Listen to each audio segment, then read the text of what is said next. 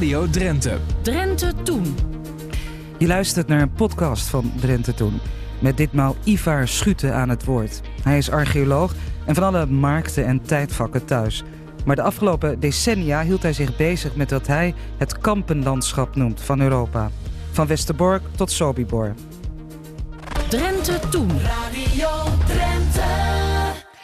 Ivar Schute is archeoloog. En de afgelopen decennia hield hij zich bezig met wat hij het kampenlandschap landschap noemt van Europa. Van Westerbork tot Sobibor. En ik ben blij, uh, Ivar, dat je bij ons bent vanmiddag. Ook al zit je dan niet hier in de studio, we hebben wel een goede verbinding weten te maken. Welkom. Ja, uh, goedemiddag. Um, ik zou graag in Drenthe willen beginnen met jouw permissie. Je hebt daar gewerkt op het kampterrein van het voormalig kamp Westerbork. Nou, natuurlijk uh, heel opvallend ook bij de woning van de kampcommandant. Waar ik het zo meteen graag uh, over hebben. Maar eerst dat terrein zelf. Wat kwam jij daar allemaal tegen? Ik las in je boek zelfs een haventje en daar wist ik het bestaan ook niet van. Ja, een haventje is misschien te veel gezegd. Het is een, een aanlegstijger van waaruit uh, goederen met een smalspoor naar het uh, kamp werden getransporteerd. Zoals bijvoorbeeld vliegtuigonderdelen? Ja, ja, ja, er werden vliegtuigwrakken die werden naar het, het kamp gereden. En die werden daar door de, ja, door de gevangenen, zou ik zeggen, werden die gedemonteerd. los van de commandantswoning is, is dat terrein eigenlijk helemaal ontmanteld hè, als, als kampterrein. Is dat dan uh, gunstig voor een archeoloog of juist helemaal niet? Ja, kijk, zo gauw het boven de grond weg is, dan uh, begint een archeoloog. Dus in, in, dat opzicht zou je het gunstig kunnen noemen. Uh, maar het is overigens wel een misvatting naar mijn idee dat er boven de grond alleen maar dat, die commandantswoning te zien is. Als je goed kijkt, is er, ook voor een leek, is er echt wel wat te zien. Um, er is in, uh, in Kamp Westerbork een, uh, een aardappelkelder, een SS-schuilbunker, een waterzuiveringsinstallatie. Er is een bewakerskamp waarvan nog sporen in het landschap uh, liggen. En als je daar eens een keer gaat kijken en rondloopt en je hebt er een beetje oog voor, ja, dan zie je eigenlijk veel meer dan alleen die, die commandantswoning. Jij, uh, jij hebt dat uh, onder meer gedaan uh, met Marcel Meuring, die daar een, nou ja, gebaseerd ook op jouw werk een roman heeft geschreven. En um, toen ik dat las, viel me op dat je ook vooral veel naar mos moet kijken, naar mossen op de grond. Bijvoorbeeld ertsmos. Kun je daar wat over vertellen? Ja, dat ertsmos is iets heel, iets heel aparts. Um, het is een, een soort mos, die groeit alleen op ja, sterk vervuilde plekken. Um, en in de oorlog werden er uh, batterijen gedemonteerd in, uh, in Westerbork. En de resten daarvan die zijn gedumpt op een, uh, op een plek in het bos. En daar is dit, dit mos gaan groeien. Het zogenaamde ongezoomd kopermos. En um, ja, dat schijnt een heel bijzonder mosje te zijn. Ja, ik weet verder ook helemaal niks van mossen. Maar het is nogal opvallend dat dat je daar zo'n plek in het bos hebt waar verder niets groeit behalve dat extreem zeldzame mosje. Ja, om, omdat de grond daar in wezen vervuild is. Sterk vervuild, ja. ja. Um, de, de vuilnisstort, de vuilstort, daar hebben jullie ook uh, gewerkt. Um, wat, wat, wat kwamen jullie daar tegen? Ja, je kan maar de vraag stellen wat niet. We kwamen er eigenlijk alles tegen. Uh, dingen uit het gewone dagelijkse leven. Dus uh, ja, uh, borden en bestek en horloges en brilletjes en uh, tandenborstels en munten. En ga zo maar door. Het is echt een eindeloze lijst van voorwerpen die we daar hebben aangetroffen. Terwijl we eigenlijk maar een heel klein deel van die vuilstort onderzocht hebben. De, de, opdracht aan mij was, de vraag aan mij was niet zozeer van graaf die vuilstort op, maar was breng hem in kaart. Um, en uh, ja, dat heb ik gedaan uh, met een aantal uh, technieken en door het graven van een paar kleine proefputjes. En uit die proefputjes, ja, daar heb ik me vreselijk op verkeken. Daar kwamen zo ongelooflijk veel voorwerpen. Het is eigenlijk ook wel logisch. normaal als archeoloog heb je grond met af en toe wat vondsten erin. Maar dit is zo'n vuilstort is door de aard der dingen is het natuurlijk vooral vondst met een beetje grond ertussen. Ja. Dus dat, was, dat werd uiteindelijk een enorme, maar wel dankbare klus. Ja. En je hebt dat natuurlijk ook te maken met de, de verschillende ja, stadia van het kamp. eerst vluchtelingenkamp, een, een doorgangskamp. later ehm, zijn er NSB'ers geïnterneerd. Molukkers hebben er gewoond tot in de jaren zeventig. Kom je dan die verschillende tijdvakken ook weer terug? Of ook weer tegen in zo'n in zo'n vuilnisbelt? Ja, en dat was eigenlijk ook een, een vraag. Die vuilstort, ja, die was een beetje ja, vergeten. En uh, op een gegeven moment werd er weer de aandacht op gevestigd omdat er schatgravers actief waren. En toen heeft het herinneringscentrum maar de vraag gesteld: oké, nou hoe groot is die? Breng hem in kaart. Maar ook uit welke periode ligt er nou precies materiaal? Omdat Westerbork inderdaad een gelaagde geschiedenis heeft, uh, zoals dat heet, uh, was het dan de vraag van ja, ligt er dan ook materiaal uit die vluchtelingentijd? Uh, dus van voor de oorlog. En ligt er ook materiaal van, uh, van na die tijd. Dus uh, tot in de, de Molukse periode, zullen maar zeggen. En dat bleek inderdaad wel het geval te zijn. Het materiaal wat er ligt, nou, dat dateert zo'n beetje van het moment dat het kamp gebouwd wordt in, in 1939 tot ongeveer 1950, 1955. Dus net in de Molukse periode. En je hebt dan ook nog maar een deel uh, van die vuilnisbelt opgegraven. En het zal wel een, een, een echte lekenvraag zijn. Maar um, houdt het je dan niet bezig met dat wat je niet opgraaft? Um, ja, kijk, het is uh, een misvatting om te denken dat archeologen altijd maar willen opgraven. Je moet het een beetje vergelijken als dat je naar uh, de kastelen in Nederland kijkt. Je gaat ook niet, omdat je het wilt onderzoeken, ga je alle kastelen in Nederland afbreken. Nee, perspectief van een archeoloog is daarom gericht op, uh, op behouden. En ja, je kunt toch archeologisch onderzoek doen en toch iets behouden tegelijkertijd door bijvoorbeeld, ja, ik, ik leg het maar even, voor, uh, even simpel uit. Je tilt de grasmat op, je kijkt eronder uh, wat het is en vervolgens neem je maatregelen om het op een bepaalde manier kenbaar te maken. En met kenbaar maken bedoel ik dat je toeristisch educatief gaat ontsluiten. Hmm. En op die manier maak je, bewaar je ook je archeologie in plaats van dat je alles maar helemaal opgraaft. Want opgraven, dat kun je eigenlijk maar één keer. Je zou het in, in wezen een gecontroleerd proces van vernietiging kunnen noemen. Ja. Dus je moet er heel zeker van zijn dat je dat uh, wilt doen uh, als je het doet. Ja. Ik kan me ook voorstellen dat uh, nou ja, die opvattingen ook um, verschillen met nou ja, wanneer je leeft. We hebben hier professor Van Giffen gehad en die, die liet zich niet zo storen door... Um, nou ja, uh, die, die deed waar hij zin in had, zeg maar, met de hunebedden. En, en dat geldt ook misschien voor onderzoek uh, in de kampen. Dat is toch ook nog niet zo erg oud? Nee, het onderzoek in de kampen is, uh, is van recente tijd. Maar het wordt wel geregeerd door ja, het beleidsuitgangspunt in de archeologie. En dat is behoud van erfgoed. Ja. En niet zozeer het allemaal maar rukzichtloos wegspitten. Nee. Je bent dus ook dat in. doen we zo weinig mogelijk. Ja. Um, sorry dat ik je onderbreek. Af en toe zit er een echo in. Dus dan lijkt het wel of ik heel ongeduldig ben. Maar uh, dat is niet de bedoeling. Je bent ook in werkkamp Gijzelte geweest. En dat lijkt me een voorbeeld van iets nou ja, waar toch echt nog heel weinig van te zien is. Zo uh, met het blote oog. Ja, dat geldt eigenlijk voor uh, heel veel Joodse werkkampen. Um, bij veel mensen is het eigenlijk onbekend dat er heel veel Joodse werkkampen liggen uh, in, uh, in Drenthe en Overijssel.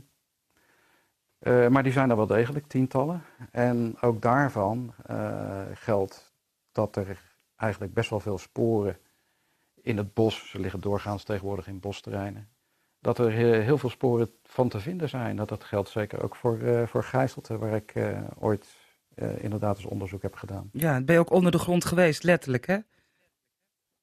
Ja, daar liggen nog uh, kelders, uh, latrinekelders, beerkelders. Je moet je voorstellen dat uh, tussen de Bramerstruiken opeens een, een, gat zichtbaar is van wat een betonnen vloer blijkt te zijn, die op zichzelf eigenlijk niet meer, zicht, niet meer zichtbaar is door alle begroeiing. En zijn we door dat gat naar beneden gegaan en dan sta je in een kelder met allerlei ja, steunbeertjes erin en allerlei voorwerpen op de grond. Iets wat je eigenlijk in zo'n bos op dat moment helemaal niet verwacht. Ja. Maar wat uh, bij veel van die Joodse werkkampen eigenlijk helemaal geen zeldzaamheid blijkt te zijn. Nee. Dat er wel degelijk allerlei funderingen en kelders en watertanks en je, noem het maar op, ja, nog aanwezig zijn. Ja.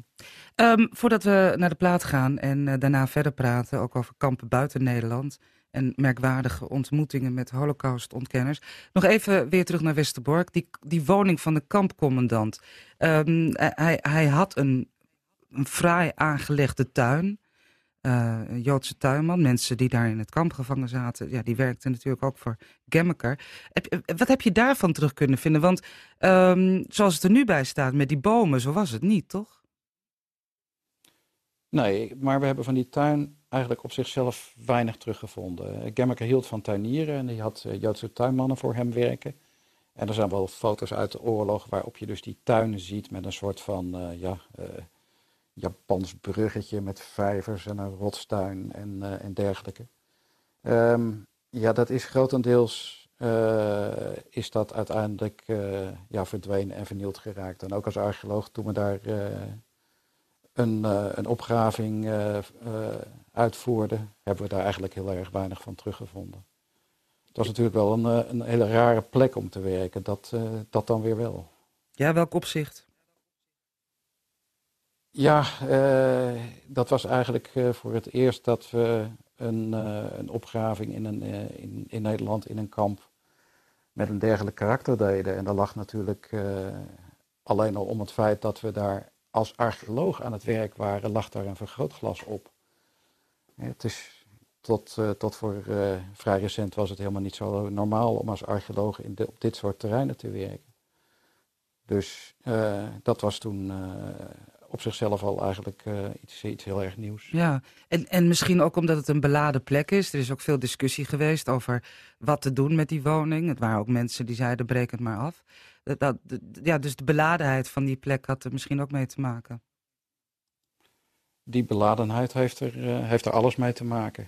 Kijk, als archeoloog dan doe je ook iets heel, ja, je grijpt echt in in bodem. Dus je grijpt ook in in een herinnering. Dus je moet ook wel heel zeker weten dat dat zin heeft en dat je iets uh, eraan toe te voegen hebt voordat je dat doet. Ja, ja. Ivar Schute is archeoloog en in zijn juist verschenen boek In de schaduw van een nachtvlinder las ik dat hij dat al als jongen wilde worden. Maar Ivar Schute, dan denk je waarschijnlijk niet aan dat wat jij het kampenlandschap noemt? Of, of heeft dat altijd al in je hoofd gezeten? Nou, ik interesseerde me wel voor de Tweede Wereldoorlog. Uh, een beetje vanuit een uh, beladen familiegeschiedenis. Maar toen ik archeoloog werd, uh, had ik geen enkele gedag idee dat ik daar ooit mee bezig zou zijn. Nee, hm. ik, ik hield me bezig met de prehistorie in eerste instantie. Ja, en het grote verschil voor mij als leek tussen de prehistorie en de Tweede Wereldoorlog is dat je in de prehistorie niet met een nou ja, door mensen gedomineerd landschap te maken hebt. Maar, maar in, in die kampen natuurlijk wel. Dat, dit is alles, dat heeft alles met mensen te maken. En um, ook niet zomaar wat. Um, en, en dat ben jij ook tegengekomen natuurlijk in je werk. Met mensen die dankbaar zijn en die het fijn vinden dat je dat werk doet. En dan is er een categorie die er niet blij mee is. En je hebt uh, David Irving, um, ja, een, uh, een notoire holocaust-ontkenner, zeg maar. Als je dat zo kunt noemen, volgens mij wel. Die ben je zelfs tegengekomen in Sobibor. Kun je wat over die ontmoeting vertellen? Ja, dat was in 2014. Uh, toen waren we net bezig de fundering van de gaskamers van uh, Sobibor op te graven. En toen op een gegeven moment liep ik terug naar, uh, naar de kate waar we, waar we lunchten. En toen liep ik tegen David Irving aan, die daar, die daar rondliep. En hij bleek niet in zijn eentje te zijn. Hij had een heel gezelschap holocaust-ontkenners uit de Verenigde Staten meegebracht. Die kwamen met een touringcar en hadden hem ingehuurd als, uh, als hun gids. En dat was natuurlijk een beetje een bizarre situatie. Uh, David Irving is een Engels historicus die uiteindelijk in, in Oostenrijk een jaar in de gevangenis heeft gezeten vanwege holocaustontkenning. En ja, die stond in één keer voor mijn neus. En toen? Dus, dus wat doe je dan? Nou ja, ehm, ik heb hem eigenlijk zelf amper gesproken. Uh, maar er was een, uh, een Joods-Amerikaanse filmer erbij. En uh, die was zo snel om David Irving ter plekke te interviewen. En wat ik me daarvan nog herinner, is dat, dat Irving vertelde dat nou, als je toch ergens moet sterven, dan was Sobibor toch een prachtige plek om te sterven. Ja, het is, echt ongelooflijk. Uh, het lijkt me ook heel moeilijk überhaupt om met zo iemand in discussie te gaan. Want dat, dat beschrijf je ook in je boek. Hij heeft op, op elk bewijs uh, een, een weerwoord. dus je, je komt er eigenlijk ook niet uit met zo'n man, lijkt me dan. Nee, dat geldt eigenlijk voor de meeste holocaustontkenners natuurlijk. Uh, die hebben een bepaalde vooropgezetheid, voor ingenomenheid, waar je eigenlijk niet doorheen kunt breken. Dus als jij zegt van ja, dit uh, zijn de funderingen van de gaskamers, dan zegt hij uh, wel nee joh, dat is de paardenschuur. Mm. Dus het heeft ook helemaal geen zin om die hele discussie aan te gaan, vind ik persoonlijk dan. Um, ik ben in de loop der jaren vaker benaderd door, door holocaustontkenners. En die willen altijd een soort van pseudo-wetenschappelijke discussie met jou aan. vaak gaat dat dan over aantallen. dus is het niet zozeer, ze zijn wat sluwer geworden, het is niet zozeer het ontkennen van de holocaust als wel de discussie over, ja, dat zijn er toch geen 6 miljoen, dat waren er maar zoveel. Of kijk eens naar het volume van die gaskamers, dat kan toch nooit, uh, daar kunnen nooit zoveel mensen vergast zijn, et cetera, et cetera. Dus het is een beetje wat ze de war on numbers noemen. Ja. Um, ja, onvoorstelbaar. Um, Sobibor, uh, daar zijn natuurlijk, uh, ja, is ook het eindpunt geweest voor heel veel Nederlandse Joden via Westerbork. En, dan sta jij daar in Sobibor uh, ook, ook weer oog in oog met, met deze mensen. Hè? Ook, ook, ook uh, nou ja, spullen die je gevonden hebt bijvoorbeeld. Ja, Sobibor is een uh, vernietigingskamp. Dat is letterlijk het, uh, het einde van de lijn. Er zijn vanuit Westerbork 34.000, ruim 34.000 uh, Joden getransporteerd naar Sobibor en daar vergast. En daar heb ik jarenlang heb ik daar opgegraven. En uh, eigenlijk heel frappant, die dingen die ik daar heb opgegraven, ja, die had ik op de vuilnisbelt in Westerbork ook al gevonden. Het zijn min of meer dezelfde spullen. Dat is ook heel logisch, want ze komen van dezelfde plek. Dus daar kom je weer de, de borden en bestek uit, uh, uit Maastricht tegen en Nederlandse oorlogsmuntjes en ga ze maar door. En het is dan zeker merkwaardig om uh, in, uh, in een dergelijke context uh, een discussie aan te gaan met, met holocaustontkenners. Maar ja, op de een of andere manier, wanneer je met dat onderzoek bezighoudt, dan zijn zij een, ja, hoe zou ik het eens netjes formuleren, een integraal deel van het hele decor. Mm. Um, het is best moeilijk en best lastig om op zo'n plek op te graven. Je hebt met heel veel nou goed, je hebt met je eigen emotie te maken, maar je hebt uh, met ook heel veel bestuurlijke politieke spanningen te maken, met veel media-aandacht. Uh, het leed van de nabestaanden, wat uh, ook in een tweede of derde generatie nog zeer duidelijk aanwezig is. En waar je ook op een bepaalde manier mee moet omgaan. En dan nog eens die holocaustontkenners. Ja. Je hebt ook andere ontmoetingen gehad, die moeten we ook even noemen. Met Jules Schelvis bijvoorbeeld, een man die meerdere kampen heeft overleefd. Dus een paar jaar geleden overleven, overleden op, op een hoge leeftijd. Wat vond zo iemand dan van het werk wat jij deed? Ja, ik ben heel blij dat ik Jules Schelvis nog uh, bij twee gelegenheden heb mogen ontmoeten. Um, en hij is eigenlijk altijd de, de drijvende kracht geweest achter het, uh, het onderzoek naar vernietigingskamp Sobibor. Hij heeft ook de, Sobibor, uh, de stichting Sobibor opgericht. Um, en toen wij in 2014 de funderingen van die gaskamers uh, terugvonden en opgegraven hebben, ja, dat heb ik hem nog mogen vertellen. En dat was voor hem uh, iets heel emotioneels en uh, ja, volgens mij ook iets heel waardevols. En de toekomst, Ivar, um, ben jij klaar in het kampenlandschap of nog lang niet? kom je nog in Westerbork terug?